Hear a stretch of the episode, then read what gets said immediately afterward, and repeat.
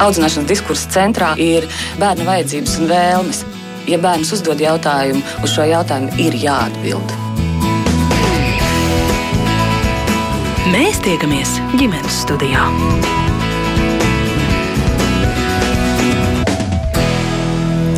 Labdien! Starp mums dzīvo pusauģi un jaunieši, kuriem uz ielas kopā ar citiem vienaudžiem ir labāk nekā mājās. Kāpēc un kā varam viņiem palīdzēt? Šim aspektam pievērš uzmanību sociālā kampaņa Es esmu mēs, jo viņi visi, kuri bēg no mājām, neiet uz skolu, lieto apreibinošas vielas, zogu un visādi citādi uzvedas nepieņemami, ir mūsu sabiedrības daļa - klases biedri, kaimiņi un paziņas. Un svarīgi, lai viņi iemācītos dzīvot citādāk, labāk labāk nekā ģimenē, no kuras viņi nākuši. 13-gadīgās Elīnas stāsts, kas tapis kampaņas ietvaros.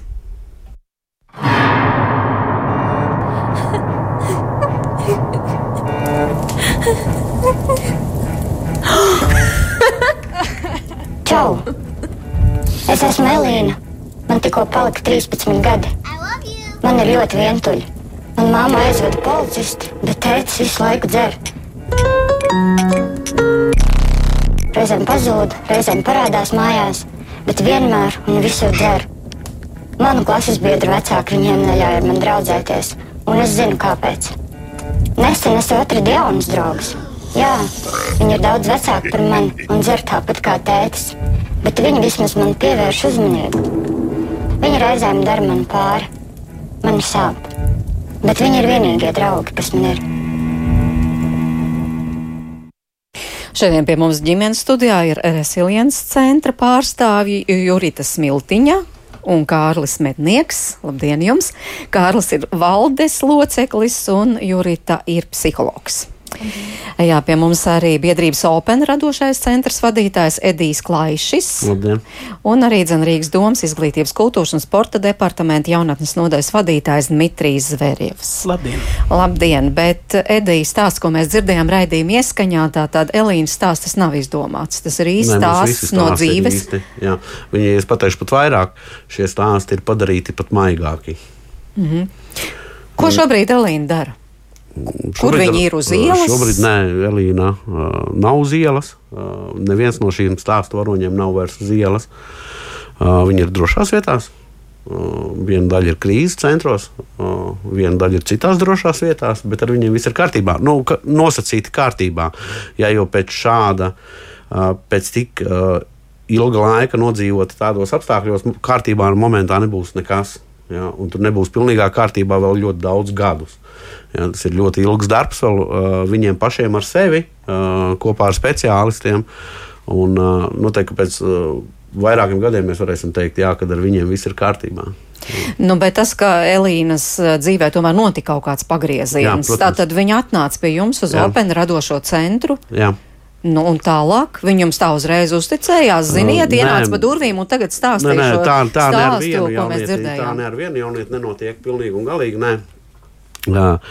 Tie ir jaunieši, kuri pie mums ir nākuši labu laiku. Ja, paiet kaut kāds laiks, kad viņi sāk stāstīt par to, kādas viņiem ir problēmas un kādi viņiem ir sadzīves apstākļi. Uh, vienīgais, ko es varu pateikt no pēdē, pēdējais stāsts, ko mēs iznesām, kas ir animēts, ja, uh, tur gan bija situācija bija tāda, ka uh, tur pie mums vērsās uh, citi jauniešu organizācijas, pie kuras šis jaunietis bija devies izmisumā. Ja, uh, Un tad viņi meklēja mūs, jo tās jauniešu organizācijas darbības veids ir pilnīgi citādāks. Ja, un, pilnīgi atšķirīgs. Viņi organizē nometnes un tā tālāk, ja, un kursus. Un, uh, Tad, tad jā, šie jaunieši šobrīd ir drošībā. Bet kā viņi par jums uzzina? Ka vispār ir tāds centrs, jo no, nu- ne jau tikai viens, es lasīju, tātad 17 tādi centri, apmēram 500, 18, 18 mm -hmm. jā, 500, varbūt vairāk jaunieši, kuri uh, apmeklē šos centrus. Kā viņi par tiem uzzina? Uh, īstenībā ir tā, ka, uh, nu, jebkurā centrā izveidojās tas sākuma kaut kāds kodols. Pēc tam nu, ir tāds ļoti labs, krieviem bija tāds vārdu salikums, sarafānai radio. un šo jauniešu vidū šis sarafānai radio strādā ļoti ātri. Tas nozīmē, nu, Nu, Jā, tieši tā. Nu, mutes, tieši tā nu, es arī braucu uh, uz ielām pie viņiem. Mums ir pietiekami atpazīstams automašīnas. Uh, un, uh, veidojam kaut kādu kontaktu. Protams, ka ne jau visi, ar kuriem mums sanāk uz ielām runāt, nu, ne jau visi atnāk pie mums, nu, būsim reāli. Jā. Nu, ko jūs viņiem piedāvājat? Ko jūs šiem jauniešiem, kur uz ielas ir, ko jūs viņiem varat Mums piedāvāt? Jo tīri- jūs esat piedāvājat radošo centru, vai viņus tas uzrunā? Nu, īstenībā es noteikti nesāstīšu visu detaļās, ko mēs ar viņiem runājam. Ticiet man, mm. ar viņiem nu. neizveidos kontaktu. Es pateikšu vienu piemēru. Es esmu parasti pietiekami atklāts un pietiekami tieši. Es vienreiz biju ielicis sociālā tīklā uh, fotografiju, uh, kur man mašīnā uh, stāvēja cigaretes. Un es biju ierakstījis, kas dodas ielās. Un, nu, cilvēks sašutumā rakstīja, nu, nevar būt, ka tu viņiem kopā uzpīpē. Un tad es uz- ieliku nākamo publikāciju, un es teicu, nē, nu, es ar viņiem kopā neuzpīpēju. Es pie viņiem pieskrienu uz tērpes sporta tērpā. Vienā rokā man ir bukleti par veselīgu dzīvesveidu, un otrā vitamīnu pudelītes. Ja? Nu, nē, pie šiem jauniešiem ir jāpieiet klāt. Nu, Tev ir jābūt līdzvērtīgam ar viņiem. Tu nevari būt stādīt sevi augstāk, iet pie viņa uz ielas klāt ar pamācībām. Ir atsevišķa kategorija, pie kuriem tā var iet. Uh, bet tā nav mūsu lielākā, tā nav mūsu mērķa auditorija. Mūsu mērķa auditorija ir tie, kuri neusticās pilnīgi nevienam, un arī man viņi sākumā neusticās. Ja? Uh, tas ir pilnīgi dabīgi. Un, jā, ir jaunieši, pie kuriem ir jāiet tiešām, nu, ne gluži ar bukletiem, jā, nu, tas ir tās ir gal, galējībās, jā, bet ar kuri, pie kuriem ir jāiet, pie kuriem, kurus var uzrunāt, pieejot klāt un sakot, Klau, reku, pie mums ir tādas un tādas iespējas. Jā, tu, Nu, kādas Nē, nē, iespējas? es, es to saku tagad par Jā, jā, jā, bet vi- aktīviem. Par mums būsim reāli. Uh, tad man ir jāsāk ar to, ko es visur stāstu. 90% ielnieku uz ielas ir nevis tāpēc, ka viņiem patīk tusēt, bet tāpēc, ka viņiem viņas dzīve ir piespiedusi. Uh, viņu uh, ikdiena sastāv no kā? Uh, no rūpēm par to, ko viņi ēdīs, kur viņi dabūs reāli ēdienu, kur viņi dabūs apģērbu, un vai viņi šonakt varēs gulēt mājās. Ja? Vai uh, viņiem, vai šādiem, te konkrēti par ko es runāju, par šo mūsu mērķu auditoriju, vai šādam uh, ir jēgas piedāvāt da jebko, kas nav saistīts ar šīm trīs lietām? Nē. Nav jēgas viņam to piedāvāt. Un jāsāk ir ar to, lai viņi, viņi šobrīd nedzīvo, viņi šobrīd izdzīvo. Lai viņš pārslēdzās no režīma izdzīvot uz režīmu dzīvot. Un tad viņam var rasties kaut kādas intereses, un tā tālāk. Tad, kad man uh, publiskajā telpā pārmeta, jūsu centros uh, trūkst pedagoģiskuma, es tādiem gudrīšiem uzdevu jautājumu pretī. Tad, kad tev ir tukšs vēders, vai tev interesē angļu valodas kursi? Protams, ka nē. Nu, tātad jūs nodrošināt tiešām to dzīves minimumu, kas katram neteikšu, nepieciešams ka gulēt, mēs, ēst. mēs uh, nodrošinām to, kas uh, uh, lielākai sabiedrības daļai ir pašsaprotamas lietas. Tieši tāpat tās mediķus, speciālistus un tā tālāk. Es jums pateikšu, tādā momentā, kad mēs sākām sadarboties ar ginekologiem, man bija vairākas dienas, ka es vienīgais, ko es darīju, es meiteni strādāju pie ginekologiem. Viņas nekad pie viņiem nebija bijušas. Šiem jauniešiem, būsim reāli, nav pat pie kā aiziet, tad, kad viņiem ir kaut kādas problēmas. Nav pie kā aiziet. Un šio, šajā momentā, tad, kad es šo stāstu, man parasti saka, bet ir taču visādi dienesti un tā tālāk. Tad man ir ko pateikt. Par lielāko daļu šo jauniešu oficiālās iestādes neuzzina. Un pateikšu, kāpēc. Lai kādi nebūtu šie vecāki, dzērāji, narkomāni un tā tālāk, tie ir viņu vienīgie vecāki, kurus viņi mīl. Tieši tāpat tās, kā mēs mīlam savus vecākus. Vai mēs savus vecākus gribam, kā es saku, nu, tā vienkārši pamest zem tanka? Nē. Vai šie jaunieši grib pamest savus vecākus zem tanka? Nē. Un tieši tāpēc viņi neiet nekur, kur viņi tiek identificēti un nelūdz palīdzību.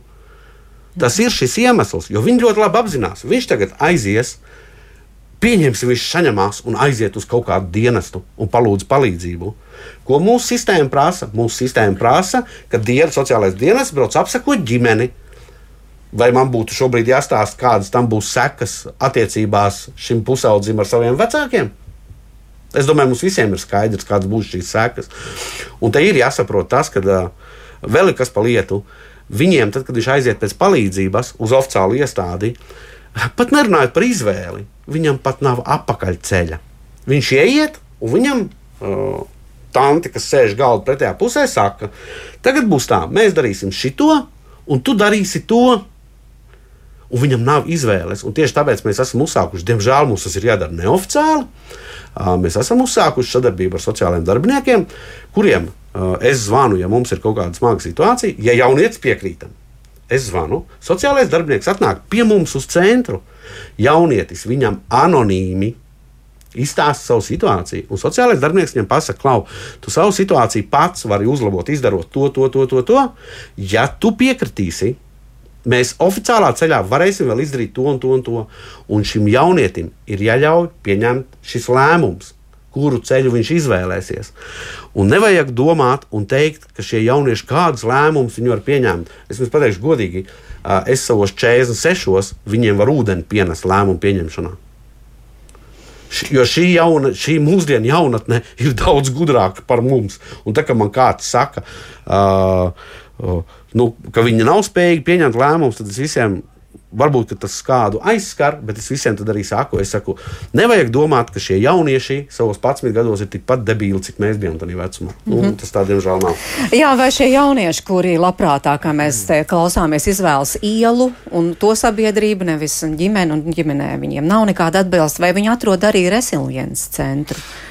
Jā, tā nu ir sanācis, ka mums mērķa auditorija savā mērā pārklājās arī ar uh, Ediju kopēji. Jāatzīst, ka auditorija uz ielas ir tik vien apjomīga, un uh, uz ielas atrodas tik vien daudz jauniešu, ka tur darba pietiek. Man šķiet, organizācijām piecām vai desmit, ko uz ielas darīt. Un, uh, jā, viņi atrod, un arī mēs, mēs veicam šo ielu jaunatnes darbu. Mums ir projekts sadarbībā ar IKSD un mm -hmm. uh, ar uh, Rīgas domu. Kā, un, kā jūs ar viņiem darbojaties? Mm. Kas ir tie jūsu akcenti un uzsvari? Jāatzīst, ka riteni no jauna nevar izgudrot. Tas ir ilgtermiņa darbs. Ar eh, jaunieti sākot uz ielas strādāt, tas var aizņemt līdz pat pusgadam vai gadam, kamēr iegūsti viņa uzticību, kamēr nodibina šīs stabilās attiecības. Jo jauniešiem, kas atrodas uz ielas, eh, es domāju, ka Edijs arī piekritīs tam, lielākajai daļai nav kvalitatīva attiecība ar pieaugušu cilvēku. Protams. Viņi tādas nepazīst un neatpazīst. Un tad, no kvalitīva attiecība ne ar vienu. Un, un tur tā lieta, un tas process līdz tam, kad tu ar viņu nodibini šīs attiecības, un ka viņš tevi jau sāk pielaist sev klāt. Un ka jums eh, veidojās šis atbalsta lokus kaut kādā ziņā, ka tu iekļūsti viņa atbalsta lokā, tas ir tas brīdis, no kur tu vari sākt patiesībā ar viņu kvalitatīvi arī strādāt. Mm -hmm. Bet kā jūs nodibināt tās attiecības ar šiem jauniešiem? Jo es saprotu, tas tomēr nav tik vienkārši. Uh, ir tā, ka mums ir jaunieši, kuri pie mums darbojas jau arī resiliences centrā, un tie ir jaunieši arī, kuri nākuši no ielu vidas. Protams, mēs esam arī lūguši viņa palīdzību. Viņi labprāt arī palīdz nākamajiem jauniešiem. Un, uh, ar viņu palīdzību esam devušies ielās pie viņiem zināmām vietām, kur atrodas jaunieši. Pie, piemērs varētu būt mm. kaut kāds vērmans dārsts, kur mēs diezgan koncentrējam savu darbību. Jauniešu apjoms tur diezgan liels. Un uh, jāatzīst, tas arī vainagojas panākumiem. Šobrīd arī sociālās rehabilitācijas programmā mums jaunieši arvien vairāk startē, kas nāk tieši no ielu vidas. Kā jūs minējāt, tas ir diezgan tāds ilgtermiņa process, mm -hmm. kamēr viņi var motivēt līdz tam brīdim. Nu jā, tā tad iegūst uh, uzticību un pēc tam iesaista jau kādā konkrētā projektā vai kas tālāk? Mēs piedāvājam. Tā piesaistīšana ir uh, nosacīta. Uh, pret viņa gribu piesaistīt nevar. Tas ir uh, jaunietis, ja viņš pats līdz tam nonāk un pats līdz tam ir ticis, tad, jā, tad viņš var iesaistīties, viņš var nākt pie mums. Mēs nevaram ne ar varu viņu atvilkt, ne ar varu viņu aizspiest. Ļoti labi strādā tas, kad ielu vidē, kad kāds no jauniešiem jau piekrīt uz to, viņš jau tā kā varam pamēģināt. Viņš viens arī nenāk parasti. Viņam ir vajadzīga sava atbalsta kompānija. Viņš paņems līdzi vēl kādu, ja? Nu, tad divi viņi varbūt būs nedrošie, ja? un tad parādīsies trešais. Nu, tad jau trietā, trietā drošāk tomēr. Viņiem jau ir savs mazais atbalsta lokus, ar kuru viņi ienāk, ienāk lielajā šajā atbalsta lokā. Un tas ir tas veids, kā viņi ierodās. Viņi apskatās, viņi aposta gaisu. Tas nav garants, ka viņi paliek. Nu, viņi pazūd pieņemsim, uz periodu. Ja? Uz ielas atkal mēs viņus varam satikt, vispārējais. Un tad pakāpeniski vēlreiz viņi atnāk. Pieņemsim, tāpat uh, uzēst, padzert ja? tēju, piemēram. Viņi atnāk, aposta gaisu vēlreiz atkārtot. Viņi lēnā, lēnā garā iepazīst, kas notiek vidē, kāds personāls darbojās, kas vēl pa cilvēkam atrodas iestādē. Un tad pakāpeniski, jā, viņi iet uz to, ka var startēt. Un, uh, tas, ko Edijs arī minēja par uh, sociālo dienestu iesa, iesaisti. Tur arī es varu piekomentēt vēl papildus klāt to, ka daļa jauniešu, kas ir uz ielas, viņi arī tie, kas ir uzskaitē, viņi ir tā saucamie mm, norakstītie. Jā, kur, jā. kur, kur ir neizsniedzamā daļa, kur arī jau sociālās dienas saka, mm, šito nevar, tas ir off. Viņam ne senčs atbild, ne viņš pats atbild, viņi nevar sameklēt. Vecāki liek mīksto, bērns liek mīksto. Vienīgais, Jā. kas viņus meklē, tā ir policija par kaut kādiem pārkāpumiem. Ja. Un tad, eh, tā arī ir tā jauniešu daļa, kur ir diezgan grūti sasniedzamā, bet nu, pakāpeniski lēnu garu viņi ir arī piesaistami. Šiem jā, es gribu piebilst to, ka, par to, ka, nu, ka viņi vēl ved tos savējos līdzā. Ir jāsaprot tas, ka um, um, šiem te, ja mēs runājam par ielu jauniešiem, viņiem ir ļoti izteikta tā kopā turēšanās, un viņi tur rūp par otru. Nu, tad, tad, jā, viņiem ir daudz izteiktāka šī te, nu, lai ok, lai viņi ir skarbi un rupji, jā, bet nu, tā vide ir tāda, tieši tāda viņi ir rupji un skarbi, kurā viņiem ir jāizdzīvo, bet viņiem ir daudz izteiktāka empātija. Šiem Te, jo viņi ļoti labi zina, kā tas ir, kad nu, nekā nav. Jā, vai Rīgas doma pamana šos jauniešus? Un viņi nonāk arī jūsu redzeslokā. Mēs klausījāmies, tās bija nevalstisko organizāciju pārstāvji, un, un kaut kā viņus tie jaunieši paši atrod un pamazām tur iekaro uzticību un tam līdzīgi. Jūs pārstāvat tādu oficiālo dienestu, un te jau tika veltīti skarbi vārdi, es teikšu, jā, piemēram, sociālajiem dienestam. Nu, jāsaka, ka ne bez iemesla tie vārdi ir uh, skarbi. Uh, tādā ziņā, ka šie jaunieši, šiem jauniešiem bija milzīgi daudz iespēju vilties dzīvē, vilties cilvēkos. Un, ja viņiem ir bijusi viena neveiksmīga saskarsme ar jebkuru valsts vai pašvaldības iestādi, tad viņi šo pieredzi attiecina uz, uz visu sistēmu. Un, un līdz ar to labprātīgi viņi nekad neies paši. Nu, tas, ko Edijs arī teica, jā, ka, ka labprātīgi mēs tos jauniešus nedabūsim pa durvīm iekšā, jo tā telpa ir balta, krāsota, viņa ir tāda ļoti sterila, un, un, un tur sēž aiz liela galda kundze vai kungs uh, sirmiem matiem. Nu, tā nav mana vide. Es tur neko nezinu, man tur nav ko darīt. Un tieši tāpēc nu, tas veids, kā viņus sasniegt, ir caur organizācijām, ka, kuriem nav šīs konotācijas ar visu manis tikko pieminēto, un, jo, jo šīm organizācijām jauniešiem nu, daudz lielāks potenciāls uzticēties. Un tāpēc mēs šeit nu, jau gadus četrus vai piecus cieši sadarbojamies ar Resiliences centru šīs ielu darba attīstībā. Patiesībā tā, tā, tā metodoloģija jau kopā ir tik izstrādāta, kā šis darbs tiek organizēts. Mm -hmm. Bet nu, jums vismaz ir nojausma, tad tika pieminēta vērmans dārs, teiksim, par Rīgu, kur viņi pulcējas, kur viņi apmēram ir, cik daudz viņi ir un ko viņi tur dara. Nu, vismaz tāda apjausma, kas, kas tur notiek. Precīzas statistikas nebūs nevienam. Pir, Pirmkārt, tāpēc, ka viņi mainās nemitīgi. Tās pulcēšanās vietas ir atkarīgas no tā, kur ir bijis pēdējais policijas reids. nu, tas arī jāņem vērā. Ja? Bet nu, teiksim, tās lietas, tu, kas, kas ir klasika, ja? tas ir Vērmans dārsts. Pirms pārbūves tas bija Origo un, un, un, un Stokmans un tas gals. Nu, šobrīd mazāk, tāpēc ka tur tā vide vienkārši vairs nav pateicīga priekš pulcēšanās. Bet Vērmans dārsts paliek aktuāls. Vienu brīdi bija Ziedoņdārs, Akropoli joprojām. Tā kā nu, to vietu jau ir ārkārtīgi mm -hmm. daudz. Bet nu, sabiedrībai būtu no tām vietām jāuzmanās. Viņa kaut kādā nē, veidā nē, apdraud sabiedrību. Nē, nē. Sabiedrība, ja, ja drīkst, sabiedrība mēdz viņus neredzēt. Skatīties mm -hmm. no tās puses, jo ir garām. Jautājums, cik bieži uzdodaties cauri vērmans dārzam, vai sanāk iet cauri? Jā, dienas laikā. Naktī, dienas laikā. protams, nu, nē. Tad, jautājums pavisam vienkārši, vai jūs pamatat jauniešu kompānijas, kuras tur atrodas nepārtraukti? Nu, iespējams, ka es nepievēršu tam uzmanību. No, tieši tā, redziet, kā te, te ir atbilde. Mēs viņus diezgan bieži neievērojam. Ejot cauri vērmanas dārzam, cilvēks neizdomā pakāpties uz estrādes pusi. Ejot gar origo, cilvēks nepaiet gar uz fēniksa galu. Ja? Tāpat braucot, pieņemsim, pat, pat par reģioniem skatoties tālāk, ja teiktu, purciems, jebkuru, jebkuru reģionu ņemot, ir šie pulcēšanās punkti, un uh, bieži vien mēs ejam viņiem garām. Un nevēl arī jaunieši izvēlās šos punktus, jo jautājums viņi vēlās būt ļoti spēcīgi ieraudzīti. Lielākoties nē. Mm. Jā. Jo nevelti, pieņemsim, nu, ir tā kā policija jau smējās, ka nu, mums ir tādi mūsu redzeslokā ir pāris tie saucamie pritoni, jā, uz kuras arī vedu pārtiku. Jā, mums bija noruna, ka, nu, tad, kā es tikko, ja es kādreiz ieradīšos, un tur būs kāds salietojies vai sadzēries, tad nu, mans vizītes tur beigsies. Un es vairs nesatieku uh, tur nevienu dzērušu un lietojušu. Kaut gan viņi nezina ne dienu, ne laiku, kad es ieradīšos. Nu, es pats to nezinu. Ja? Un, uh, un uh, tad ir tā, ka arī īstenībā šie pritoni parādās ar vien vairāk. Jo tas ir tas, ka būsim reāli. Uh, neviens no viņiem negrib afišēt, ka viņiem ir problēmas. Nu, tāda ir realitāte. Uh, Tieši tāpat tās uh, viņi negrib, viņi izvēlās, ja ir žalūzijas, centram aizlikt žalūzijas priekšā. Tieši tāpatās, ja centrā ierodas kāds pieaugušais, viņi, nu, labi, Agenskalna jaunieši, tā, nu, tur, tur tā vairs nav, jā. Citos centros, ja viņi zina, ka es ieradīšos vēl kādu kopā, viņi izvēlās labāk iziet pastaigāt. Jo viņi negrib rādīt to, būsim reāli. Mēs, pieaugušie, negribam atzīt, ka mums ir problēmas ka mums ir ziepes. Nu, kāpēc mēs domājam, ka jauniešiem ir citādāk? Jauniešiem ir tieši tāpatās. Nu, kuram no viņiem gribās atzīt? Jā?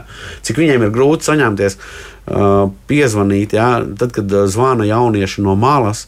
Uh, cik viņi čukstus un saka, un tu jūti, ka viņam ir kauns pat ja, par to, ka viņš lūdz palīdzību. Ja, viņi saka, man teica, ka jūs varētu uh, Un, saprot, tas notiek, tas, nu, tik, notiek tik čukstus, ka tas ir. Nu, nu, un, tā, un būsim reāli. Īstenībā runājot par statistiku un tā tālāk, es nekad ne, ļoti pareizi pateicāt, ka uh, tad, tad nav precīzu datu. Es pateikšu godīgi, es neticu nevienai statistikai, kas attiecās uz ziljauniešiem. Nevienai. Mm. Tieši, uh, jo, un viņi kļūst ar vien vairāk. Un ir, tas ir nopelns ekonomiskai situācijai. Es varu pateikt vienu elementāru piemēru. Janvārī cilvēki sāk saņemt uh, jaunos elektrības rēķinus. Mums centros pārtiks patēriņš dubultojās. Tas liecina par to, kas ir mājās. Tūlīņās būs uh, rudens, ziema un būs vēl drausmīgāk. Mhm. Protams, ka ļoti labi, ka ir jaunieši, kuri iet vai nu uz Open radošo centru, Resilience centru vai kādu citu nevalstisku organizāciju, ka viņi meklē palīdzību. Iespējams, ka viena daļa ne, nemeklē un uh, Viņi nu, netiek galā ar to situāciju un nodara kaitējumu sev, un tas, protams, izpaužas arī viņu fiziskajā veselībā, ne tikai emocionālajā. Klausāmies vēl divas jauniešu stāstus, kuri tapuši uh, kampaņas Es esmu mēs ietvaros.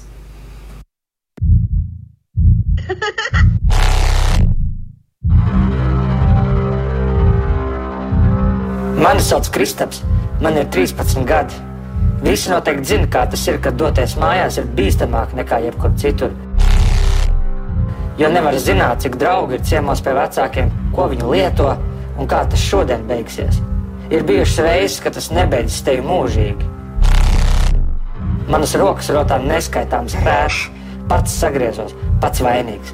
Muļķis bija nosaucis, neēdis vairākas dienas, cerēju uz slimnīcas gultas mieru un siltu ēdienu.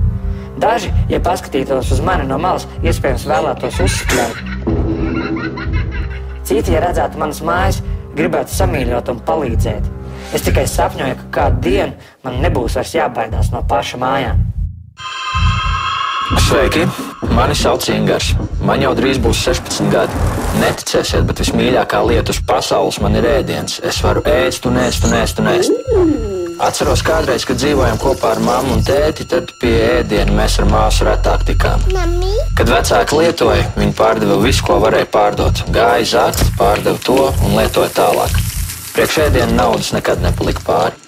Reizēm lasījām drupačus no dīvāna maliņas ārā. Citu reizi meklējām ēdienu viskastē pie mazā veikaliņa. Bet bija reizes, kad mūs pacienāja kaimiņi. Yes! Tagad, kad esam pie Omas un gadās arī pa drusciņai nopelnīt, esam laimīgi un vienmēr pāēduši. Atgādinu klausītājiem, tātad šodien runājam par ielu bērniem, jo akcija vai tāda sociālā kampaņa es esmu mēs vēlas pievērst uzmanību šiem jauniešiem un uh, atgādināt vai meklēt arī vēl jaunas iespējas, kā viņiem palīdzēt. Un šodien pie mums studijā no Resilience centra ir Jurita Smiltiņa un Kārlis Mednieks no Rīgas domas izglītības kultūras un sporta departamenta jaunatnes nodaļas Dmitrijs Zverjevs un no biedrības Open radošais centrs. Uh, centra vadītājs Edijs Klaišis un uh, Jurita, bet nu kā, kam ir jānotiek, lai tas jaunietis nu, apzinātos un pateiktu to, to, vai mēģinātu vērt kāda centra durvis un teiktu, man ir vajadzīga palīdzība. Nu, kaut vai kā te Edijs stāstīja klusā balsī čukstus, bet vienalga, ka viņš šos vārdus izteiktu. Jā, laika... Nevis, piemēram, graizītu sevi mm -hmm. vai nenormāli daudz ēstu, kā mēs dzirdējām. Mm -hmm. Es domāju, ka. Uh, ka tiešām nu, kaut kāda tāda ļoti spēcīga krīzes situācija laikam tā nebūtu, jo viņi, viņi nemitīgi atrodas krīzes situācijā, ne? Tāpēc kaut kas, kaut kas tāds, lai, lai viņi saprastu, ka ir jāmeklē palīdzība, laikam nē. Drīzāk tas, ko, ko Kārlis iepriekš teica, ka tie ir kādi pazīstami jau jaunieši, kas darbojās pie, piemēram pie mums Resilience centrā, un viņi ir pastāstījuši, ka tur tu netiec tiesāts, netiek sodīts. Tur, uh, tur tevi pieņem tāds, kāds tu esi. Tas, par ko Rēdijs teica, ka ir ļoti svarīgi būt tajā viņu līmenī, ja nevis, uh, nevis kaut kā demonstrēt savu pārākumu. Un, un tur tur atnāk kaut vai paēst to tēju, uztaisīt tos cepumus, paēst vai kādu viestmaizi, un tur tu vari arī parunāties. Laikam, laikam mm. tas visdrīzāk ar šiem jauniešiem. Nu, bet jauniešu ģimene, lai kāda tā arī būtu, kā mēs te dzirdam, vecāki ir atkarīgi, nav ko ēst un tam līdzīgi. Vai kaut kādā ziņā tā tomēr var arī ģimene kļūt par resursu? Šādam jaunietim. Protams, protams un, un, un viennozīmīgi, un to mūsu, mūsu pieredze ir uh, pierādījusi, ka Tad, tā kā mums ir arī viena darba daļa, ir darbs ar vecākiem, vecāku grupas un konsultācijas vecākiem, ka, ja izdodas šis darbs ar vecākiem veiksmīgs, un arī vecāki paši saprot, ka ne tikai bērnam ir jāmainās, kā ļoti liela daļa šo vecāku uzskata, ka ar bērnu ir problēmas, bet ar viņiem nav problēmas. Eh, ja pats vecāks saprot, ka jā, man arī līdz, līdz savam bērnam ir jāmainās, eh, un vecāks to dara un ir ļoti motivēts strādāt ar sevi, eh, tad arī tiem jauniem jauniešiem mēs labāk varam palīdzēt, ja, un tas darbs jau ir tāds jau, jau, jau daudzpusīgāks. Bet un, tiešām šie vecāki ir arī gatavi nākt un kaut ko jā, mainīt savā dzīvē. Tiešām jā, ir tādas situācijas. Jā, jā jo nav, nav, visi, nav visi tie stāsti. Um, tādi, ka vecākiem ir problēmas liels ar alkoholu, ja, ka viņi netiek galā ar savu dzīvi. Uh, tie stāsti, kāpēc tie jaunieši, uh, liela daļa šo jauniešu, kāpēc viņi ir nonākuši tajā vērmeņu dārzā vai uz ielas, nav tikai tāpēc, ka vecāki ir alkoholiķi. Ir ļoti daudz, uh, ļoti labi. Uh, spējīgi tikt galā ar savu dzīvi vecāki. Bet, bet ļoti turīgi. Jā, arī. Bet kaut kas ir noticis eh, viņu savstarpējās attiecībās ar bērnu. Vai, nu, piemēram, tas, ka viņiem nav laika savam bērnam, jā, jo viņi ļoti daudz strādā dēļ šīs materiālās labklājības. Viņi nav pamanījuši bērna mm. vajadzības. Eh, bērnam nav ar ko runāt, un viņš meklē to, ar, tos, ar ko runāt savā vienaudžu barā. Viņš tās at, tos atrod uz ielas. Vai, piemēram, vecāki nav spējīgi pieņemt lēmumus lēmumus, uh, kurus viņiem ir jā, jāspēj pieņemt arī attiecībā uz savu dzīvi, uh, uz, uz bērnu dzīvi. Nu, piemēram, uh, nu, piemēram um, būšana vardarbīgās attiecībās, partneru attiecībās. Un, ja, uh, ja mums pusauģis stāsta par to, ka es necienu savu māmu, jo viņa nevar izšķirties ar tēvu, kaut gan es uzskatu, ka viņiem ir jāšķirās, mm. jo es nevaru nākt mājās, kur man ir visu laiku jādzird skandāli, tad, uh, tad šī necieņa pret māmu, kura pieļauj šo arī attieksmi ja, no, no, no vīra pret sevi necienīgi, neļauj šim pusaudzim cienīt mammu un ne, neļauj viņam uh, pašam kļūt tādam veselīgi nobriedušam, jo uh, pusauģa vecuma posma uzdevums, lai viņš kļūtu pats par pieaugušo, ir devalvēt pieaugušo, kā apgāzt pieaugušo vērtības, bet viņš var apgāzt tās vērtības, kur ir šīs vērtības redzamas un viņas ir skaidras. Ja viņu nav, tad viņš neizveidojot šīs vertikālās attiecības, ar pieaugušo, viņš paliek šajā horizontālajā līmenī ar vienaudžiem. Tāpēc tās attiecības ar pieaugušo nodibināt, tas, ko Edijs saka, tas, ko Kārlis saka, šī savstarpējā uzticēšanās ar pieaugušo, ka var tam pieaugušam uzticēties, ka pieaugušais ir spējīgs pieņemt lēmumus, ja, un ka pieaugušais ir patiesi ieinteresēts manī. Tas ir tas, kas tam pusaudzim palīdz veselīgā veidā nobriest, sasniegt to savu pusauģu vecumu un tad veidot ves, caur šīm veselīgām attiecībām ar pieaugušo, veidot veselīgas mm. attiecības ar vienaudžiem. Nu jā, bet pat šāda situācija faktiski jaunieti var novest uz ielas, kā mēs jā. dzirdējām. Jā. Jā? Jā. Jā. Jā. Es gribu vienu vien lietu piebilst par to uh, vēršanos pēc palīdzības. Um, ir viena, ir, ir ļoti nopietna problēma mm, Uh, tas ir, šis gan būs tieši, tie, ļoti tieši pārmetums sistēmā esošajiem palīdzības sniedzējiem, ka viņu ļoti liels daļas uztverē vardarbība var, var būt tikai fiziska un seksuāla. Viņiem nepastāv tāds jēdziens, emocionāla vardarbība. Pateikšu konkrēti piemēru. Mēs iepriekšējā tikšanās reizē arī par šo piemēru runājam. Tad tad pusaudzis cietis no emocionālas un fiziskas vardarbības. Tur bija, nu, tur bija viss kopā. Ja? Tad, tad vienreiz saņemās aizmūku no mājām un vēršās pēc palīdzības. Viņam palīdzība tiek atteikta nu, ar vārdiem: Tev nav zilumi. Ja? Un tagad pamēģināsim iedomāties, ok, ir jaunieši, kuri pēc tam saņemās vēlreiz lūk kaut kam palīdzību. Bet mēs pat nespējam iedomāties, cik daudz ir tādi, kur vienreiz saņemot šādu attieksmi, vairāk nekad nesaņemās kādam lūgt palīdzību. Un tad man ir uh, tāds retorisks jautājums, vai tiešām mūs pēc tam pārsteidz tas, ka viņi rīpas, griež vēnas, lec pa logiem ārā. Nu, kāpēc mūs tas pārsteidz? Nu, kā tas mūs var pārsteigt? Pēc šādas attieksmes mēs nevaram sagaidīt citu rezultātu. Bet tad kādai tai attieksmei būtu jābūt no sabiedrības puses? Te, Jūs teicāt, no sabiedrības arī mēs vienkārši noduram acis un ejam un viņus neredzam, jā, bet kādai tai attieksmei būtu Nē, jābūt? Es, es pirmkārt, es tā kā vienmēr, man īstenībā, tā kā es braucu uz skolām, nu, es skolās braucu dalos ar savu brīnišķīgo pieredzi alkoholā un narkotikās, jā.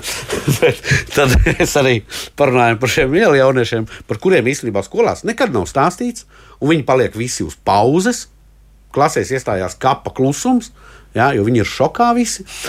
Uh, tad man ļoti patika, man viena meitene prasīja, kā es varu palīdzēt, vai man iet klāt uz ielas. Es tad saku tā, nē, nevajag iet klāt. Pirmais, ko sabiedrība var darīt, kas būtu jau ļoti, ļoti liels solis, un kas ir arī mūsu kampaņas mērķis, ir panākt to, lai sabiedrība nav nosodoša.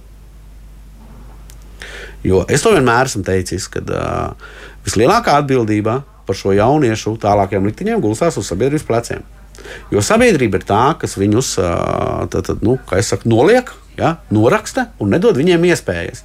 No otras puses, šai sabiedrībai mēs neko nevaram pārmest. Jo būsim reāli, vairāk kā 30 gadu laikā, kamēr mēs dzīvojam neatkarīgā valstī, neviens nekad sabiedrība, nevienam nav vienāds prātā, ka sabiedrībai vajadzētu pastāstīt, kāpēc viņi nonāk uz ielas. Mm. Jā, bet tā pieņemšana vai nepieņemšana jau sākas skolā, un lūk, arī Alda stāsts.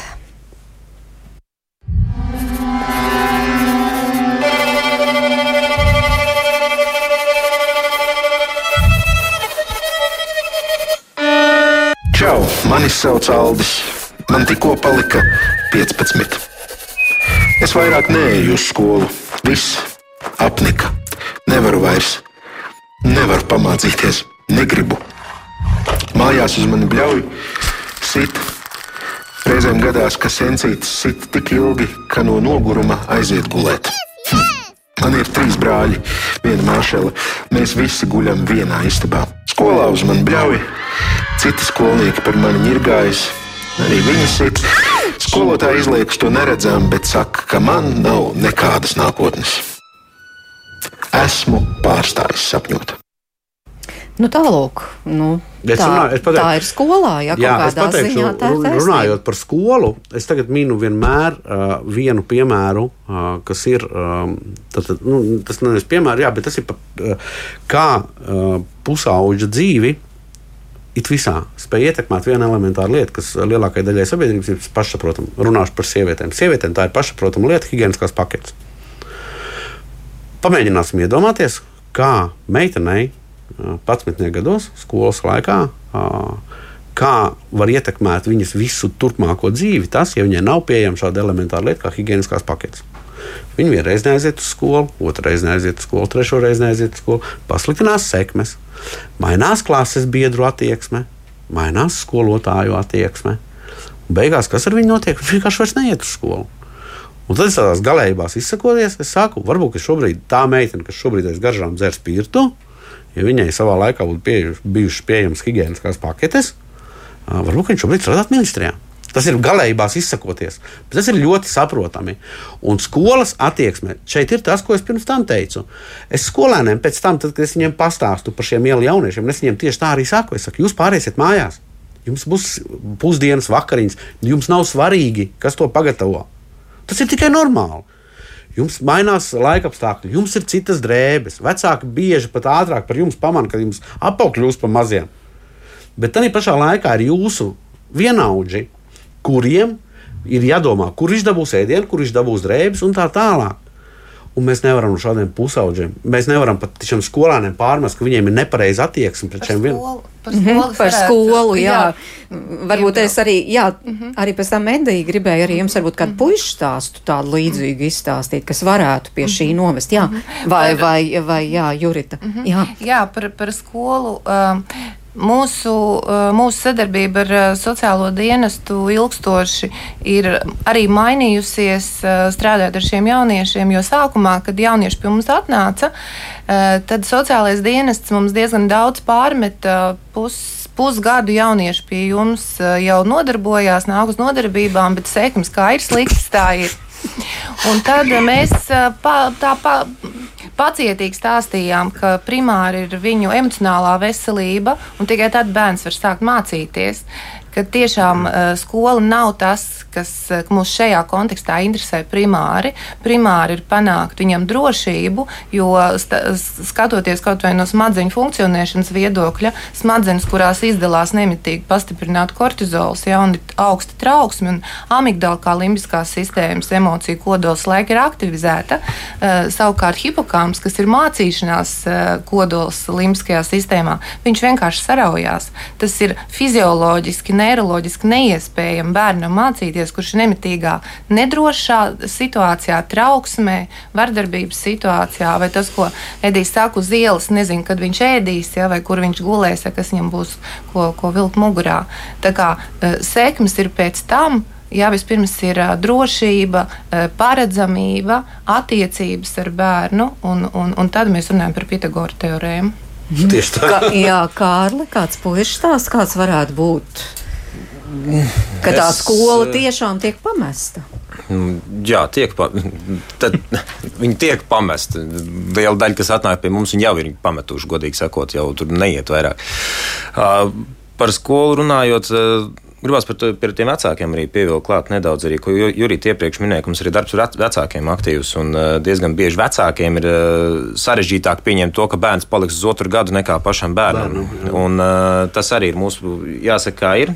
Arī rehabilitācijas programmā startējošie jaunieši, ko Jurita minēja, kas ir kur mums ilgi nā, nākas uh, citreiz skaidrot, ka tā palikšana uz otru gadu nav tik traģiska. Un vecāks ir tas, ar kuru jāstrādā visvairāk šajā jautājumā, kuram ir jāsaprot arī tas, ka uh, ok, mans bērns paliks uz otru gadu. Un, uh, jo ne, ne, visi, ne, ne visi jaunieši, kā iepriekš arī jau tika minēts, ne visi jaunieši nāk no, teiksim, tā, no teiksim, sociālās riska grupas. Ja vecāki nebūs sociālā riska grupā, mm. tur varbūt vecāki arī ar mājām Mārupē un, uh, un vasarnīcām pie ezeriem. Un, uh, viņiem pieņemt to, ka jaunietis nepabeigs 7. vai 8. klasi ar pirmo reizi ir ļoti smagi. Un tādas stāsts mums ir. Protams, nu, par vārdiem, uzvārdiem nerunājam. Mm. -hmm. Tur jau tas ir. Nu jā, bet attieksme skolā, attieksme tomēr ir īpaša. Nu, varētu teikt, Uh, tomēr atraidoša un noliedzoša galvenokārt pret šiem jauniešiem. ļoti precīzi pateicis galvenokārt. Tas ir Jā. galvenokārt ir retie stāsti, kur uh, ir pat klases, kur atbalsta jauniešus. Mm. Tas ir patiešām tas ir rets stāsts. Un skolā viņi arī sāk savā starpā. Viņi jau ir skolā jau sāk veidot savu drošu atbalstu tīklu. Tas, teiksim, tādi līdzīgie savalkās. Un tas nostrādā. Ja, ja, viņ, ja viņš ir tas, ko klasē apceļ, visticamākais blakus klasē ir vēl kāds, kur apceļ, ja, un viņi savalkās kopā. Ļoti interesants rādītājs ir tas, ka mēs paskatāmies uz Covid periodu kopumā. Tad, uh, mentālās veselības jautājums diezgan ļoti aktualizējās, jo daudziem jauniešiem bija ļoti, ļoti smagi. Un, Bet uh, man pārsteidzošā kārtā ieraugot uh, pašnāvību skaitu statistiku, viņi samazinājās. Jo kā tie jaunieši, kurus skolā saņem vislielāko šo triecienu, kur visvairāk skolās tiek apcelti, kad viņiem vairs nav jāiet uz skolu, ir mācīties attēlināt, viņiem vairs tas spiediens nav tik milzīgs. Un tā ir tā grupa, kur pārsvarā, diemžēl, ir jāgriežam rokas, kas ir Jā. viens, un tad jau karā Bet, bet šis jau ir, tā- jau ir tā lieta. Mēs jau nevaram pārmest uh, skolēniem, ka viņu attieksme pret šiem jauniešiem ir tāda, kāda viņi ir. Ja? Jo šeit ir tā lieta, es, tad, kad es skolās ar šiem jauniešiem runāju, tad es viņiem pēc tam paprasu, to es beigās paprasu, vai jums kāds šo bija stāstījis? Mhm. Nē. Jā, bet varbūt tā jaunieša attieksme sākas no viņu vecāku attieksmes. Un, ja Protams. mamma saka, ar šito nemūžam nedraudzējies, un nekādā gadījumā, lai viņš nenāk manās kā, es mājās. īstenībā es, kā es uzskatu, mm, pieaugušiem vajadzētu sākt iemācīties klusēt. Un bija pievaldīt mutes. Jo es parasti saku, tā, es īstenībā to publiski arī esmu teicis. Es ciest nevaru cilvēkus, kuri runājot ar un par pusauģiem, ļoti uzkrītoši lieto vārdus pareizi un nepareizi. Pēc šo cilvēku loģika sanāk tā, ka paudze, kura visu ir salaidusi pilnīgā D, grib kādam iestāstīt, ka viņi zina, kā ir pareizi. Nu, nav tas tā. Un vēl kas ir pa lietu, vienmēr ir bijis, kad iepriekšējā paudze, jauno paudze grib mērīt pēc savām mērokām. Es vienmēr saku tā, es saku, ja ar to laiku, kad augu es un kad auga mani vecāki, var atrast kaut kādas paralēles, tad šim laikam, ar to laiku, kad augu es, paralēli nav nekādu, un kopīga nav pilnīgi nekā. Un vienmēr es saku, un to skolēniem tas ļoti patīk, es saku, mums ir visas cerības uz viņiem. Jo šis ir viņu laiks, un problēma nav pusauģos, bet problēma ir pieaugušajos. Jo pieaugušie nespēja pieņemt jauno spēles noteikumus un jauno pasauli. Un ņūņas esam mēs, nevis pusauģi. Nu jā, tas tā labi skan, nu labi pieņemam to, bet par tām skolām domājot, it kā jau daudz kas ir darīts, un tur ir dažādi atbalstoši personāls un tam līdzīgi, bet, piemēram, arī tieši šīs akcijas ā, laikā par šo runāja psihoterapijas speciālists Nils Saks Konstantīnos, un viņš teica, ka Pēdējos gados valsts budžetā jauniešiem atvēlēta samērā liela nauda, tomēr tā līdz ielu jauniešiem nenonāk, jo tā tiek izlietota palīdzot tiem, kuriem jau ir atbalsta sistēma, kādas ielu jauniešiem nav. Un viņš, viņš saka, ka veidojas tādas kā šķērs, tie bērni, kur patiesībā jau tiek galā vai varētu tikt galā ar nelielu atbalstu, viņi saņem visvairāk, un tie, kuriem ir visgrūtāk un kuriem atbalsts būtu patiešām visvairāk nepieciešams, saņem mazāk vai, vai bieži arī neko. Jā, Zverjevkungs, varbūt arī tādā pašvaldības kontekstā par šo domājot, vai tas kaut kādā veidā atbilst patiesībai? Tas, kas man vienmēr ļoti mulsina, nu, gan jaunatnes politikas kontekstā, gan arī nu, teiksim, sociālā darba kontekstā, mums, kā sabiedrībai kopumā, ļoti patīk kampaņveitīgi risināt problēmas. Piemēram, mēs pasludinām, ka šīs, šos trīs gadus mēs fokusējamies uz problēmu X. vai Mēs fokusējamies uz mērķa grupu X. Un kamēr mēs strādājam ar šo mērķa grupu X, mēs aizmirstam, ka blakus ir vēl divas trešdaļas sabiedrības, ar kuriem mēs nestrādājam. Un tas, kas notiek, ka kamēr mēs veltam visus resursus, lai palīdzētu tiem, kuriem akūti vajadzīga palīdzība šobrīd, un viņi tiešām ir vajadzīga, uh, tā situācija ar pārējiem pasliktinās tik ļoti, ka pēc diviem gadiem viņi ir tā īpaši atbalstāmā grupa, uz kuru jāfokusē visi resursi. Un, un tad droši vien pamat iemesls tam visam ir, ka mums visu laiku pietrūkst finansējuma šo problēmu risināšanai. Sociālā jomā vienmēr finansējums ir trūcis, un katru reizi kādam ir jāizdala izvēle, kura mērķa grupa šodien ir tā. Kurai mēs palīdzam? Ja? Bet tad šodien eh, vai šobrīd ielu bērni nav tajā Ā. fokusā, kuram palīdzēt? Nē, nu, kaut kādā mērā ir, bet jautājums, jautājums jau ir par kopēju resursu daudzumu. Jā, jo, jo viens ir tā, kaut kāds pašvaldības finansējums, kaut kāds valsts finansējums, ārkārtīgi daudz Eiropas fondu, kas šobrīd tiek izmantot, bet tas viss ir šaus- šausmīgi sadrumstalotie un tad beigās. Palīdzēt visiem, nu, nepietiek resursi. Un tur jau nav stāsts tikai par naudu. Tur, manuprāt, galvenais stāsts ir par speciālistiem. Un to ir ārkārtīgi maz. Un tie paši sociālai darbinieki ir ārkārtīgi pārslogoti. Es, uh, es bišķiņ nepiekritīšu. Es, ne, nevajag, es to vienmēr teicis. Es nekad neesmu pār, nepārmetis pašvaldībai, ka viņa nerisina šo problēmu, un arī valstī neesmu pārmetis, ka viņa nerisina šo problēmu. Jo ar to viņu instrumentu, tādu kādu viņiem ir, viņi to atrisināt nevar. Būsim reāli. Jo šeit ir viena tā lieta, tā ir tā persona identifikācija. Un tu nevari palīdzēt uh, tam, kuram tu netiec klāt.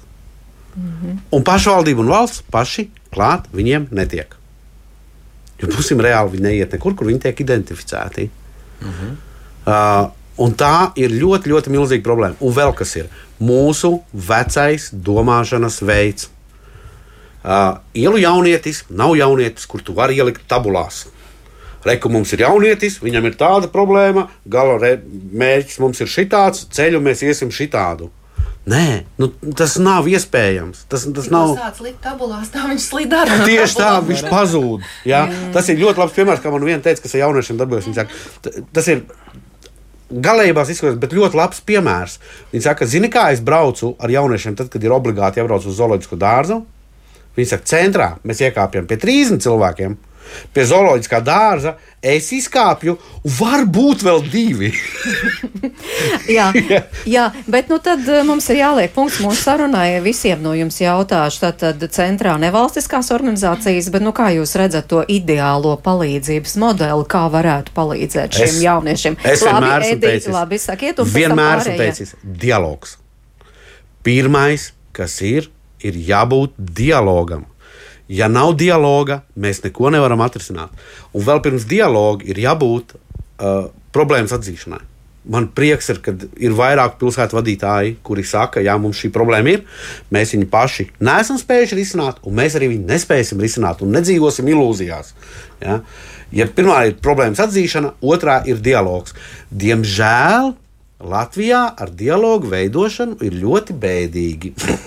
Mhm. Jurita, jā, Jurita. Tur uz došu. Jā. Jā, es jau domāju, es, es piebildīšu to ko, to, ko Kārlis jau dara, iet uz ielām un uzrunā jauniešu, ko, ko dara mūsu kolēģi. Bet es domāju, no savas puses, sabiedrības izglītošana tiešām par, par to, kas tad ir psihiskā veselība, garīgā veselība un kas ir tie kritēriji un kas ir tie faktori, kas to ietekmē un kādi būtu tā, tā hierarhija jā, šajā, šajā veselībā un kas ir primāri un kas ir sekundāri. Ā, Arī sabiedrības izglītošana par to, kas tad ir psihologs, ka tas nav soģis, tas nav uh, pie psihologa neiet uh, vai nav jāved skolā bērns, tāpēc, ka viņš ir kaut ko izdarījis sliktu, lai tas psihologs tagad viņu sodītu. Uh, piemēram, es nekad nesaku, es esmu psihologs iepazīstoties ar šiem jauniešiem, jo šis vārds viņiem ir tiešām izraisa riebumu, jā, un, un, un pirmo uzreiz jau neusticēšanos. Es paziņoju varbūt par to, ka esmu psihologs, varbūt pēc pusgada, jā, sākumā es esmu vienkārši, vienkārši centra darbinieks, kurš iet ar viņiem pārgājienos, kurš sēž pie uguns, kur runā par dzīvi, jā, un, un, un, un stāsta kādus, varbūt, savus, savus krīzes situācijas, kā es esmu pārvarējis un dalos tajā. Ja, un, un, un tad, ja viņš man stāsta par, sāk uzticēties un stāsta par to, ka tu zini, ar mani noticis tas un tas, tad pat ja man tas liekas. ā, Varbūt, ka nav ticami, varbūt, ka tur ir pārspīlēts. Es viņiem atbildu, ja tas, ko tu saki, ir taisnība, tā ir patiesība, tad, tad mēs uh, risināsim šo situāciju un mēs noskaidrosim. Nevis, nevis ne, tas nevar būt, ja tev nav ziluma, tad, tu, ja tas Jā. godīsies, ka tā, tad tev viens nedara pāri. Mm. Kārli? Jā, laikam, lai neatkārtotu iepriekš minēto, tad uh, nedaudz eh, citā virzienā atbildot uz to pašu jautājumu. Uh, kā to darīt? Es teiktu, ka uh, Jā, tā ir sabiedrības izglītošana, arī izglītošana cilvēkiem, kas veic šo darbu ar šiem jauniešiem. Un tepat ir jautājums, vai ir iespēja visus izglītot tajā, jo tas no cilvēka prasa ļoti lielu spēju, un tas prasa spēju redzēt cauri tam mūrim, kas ir uzbūvēts. Jo, ja šī sabiedrības daļa, kas ir uz jauniešu uz ielām, lielākoties eh, viņiem pirmais būs, viņi tev metīs pretī vissliktāko savu tēlu, ko viņi ir izdarījuši, lai tevi atgrūstu prom. Un tad ir jāspēj, ir jāspēj caur šo smēķējošo, iespējams, narkotikas lietojošo, alkoholu lietojošo, uz ielas dzīvošo jaunieti, ir jāspēj caur redzēt tas, ka tur ir tas jaunietis. Spēja palikt malā visu šo apaugumu un saprast to, ka tur iekšā ir šis kodols un tur ir šis bērns, tur ir jaunietis pa vidu. Tas viss apkārt, tā ir tikai bilde un spēja to visu nolikt malā. Un arī tas sabiedrībai ir nedaudz iespējams jātīst. Jā, Dmitrij. Um, paturpinot šo izglītojošo dimensiju, man šķiet, ka vienaudži ir ārkārtīgi liels resurs, kuru mēs uh, bieži vien neizmantojam līdz galam. Un, un uh, ļoti daudz kas ir atkarīgs no mikroklimata klasē. Un, un šajā ziņā ir ļoti svarīgi runāt un stāstīt, kā mēs varam palīdzēt viens otram, kā mēs varam atbalstīt viens otru. Man šeit ir uh, vairāki fantastiski piemēri, ir, kā tas ir strādājis, strādājot tieši ar klasēm. Tā paša pumpurs projekta ietvaros, kas nu jau iet uz beigām, jāsaka, jautājums, vai kaut kas būs vietā. Jo, jo tāds atbalsts, kas palīdz skolas vidē uzlabot šo mikroklimatu, palīdz jauniešiem labāk saprast viens otru, palīdz nepieļaut to situāciju, ka jaunieci izkrīt, tas ir ārkārtīgi svarīgi. Jā, un to, ko piebilst mums klausītāji, Ināra mums raksta, vardarbības skolā bija problēma arī pirms 35 gadiem. Šobrīd, kad mācās mani bērni, vardarbība turpinās. Mazpilsētā iet pie skolas psihologi ir bezjēdzīgi, jo pēc tam par to zina visa skola. Problēma ir skolotāja vienaldzība pret notiekošo. Ja bērnu vecāki nav enerģiski, tad vispār rast risinājumu ir ļoti problemātiski. Vai arī Iluta secina, ka atkal nonākam pie tā, ka būtībā jāstrādā ar vecākiem, un tikai tad varam cerēt uz kaut kādām pārmaiņām ziņām. Savukārt Zāne saka paldies par darbu visiem šeit klātesošajiem, ko darāt, un jautā, kā var iesaistīties kā brīvprātīgais. Man ir juridiskā izglītība un varu sniegt juridisku palīdzību. Varbūt varat uzreiz arī atbildēt, re, kā būs vēl viens palīgs jūsu pulkā. Mums viss var atrast mūsu tā, jā, tā tad meklējiet vai no Juritu Smiltiņu vai Kārlu Mednieku no Resilience centra vai no Etīku Laišu no Opēna radošā centra vai Dmitrija Zverjev Rīgas domē. Un, uh, un varbūt izsakiet arī viņiem tiešām šo brīnišķīgo piedāvājumu, jo, lai nebūtu tā, kā 17. gadīgās Janas teiktajā, klausāmies. Heisā, mani sauc Jāna. Man ir 17 gadi. Jūs varbūt mani atceraties. Policija meklē. Biju aizmukusi no mājām bet komentāros visi mani dēvē par topošo bombzeni. Aha, man tas viss diezgan vienalga. Mamucim tagad jauns brūtgāns, bet tēts pālī vienmēr palaiž rokas. Šodien viņam alga, tātad viņš cers, bet es mukšu prom. Jebkur, kur acis rāda. Jebkur ir labāk nekā mājās.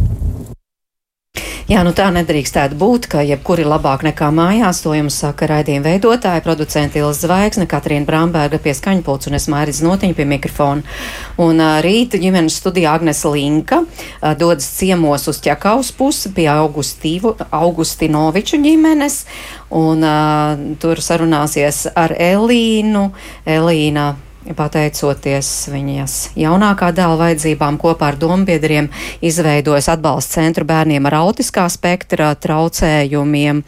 Un uh, pirms uh, gada tad, tad viņa arī uzsāka tādu biznesu laukos, uh, ģimene dzīvo starp Rīgu un Ķekavu, un arī bērniem ir iespēja tātad piedzīvot gan šo pilsētas, gan lauka vidi, un starp citu ģimene arī aktīvi palīdz Ukrainas bēgļiem, bet par to visu tad vairāk klausieties rīt 5 minūtes pār diviem. Paldies, ka bijāt kopā ar mums un uz sadzirdēšanos!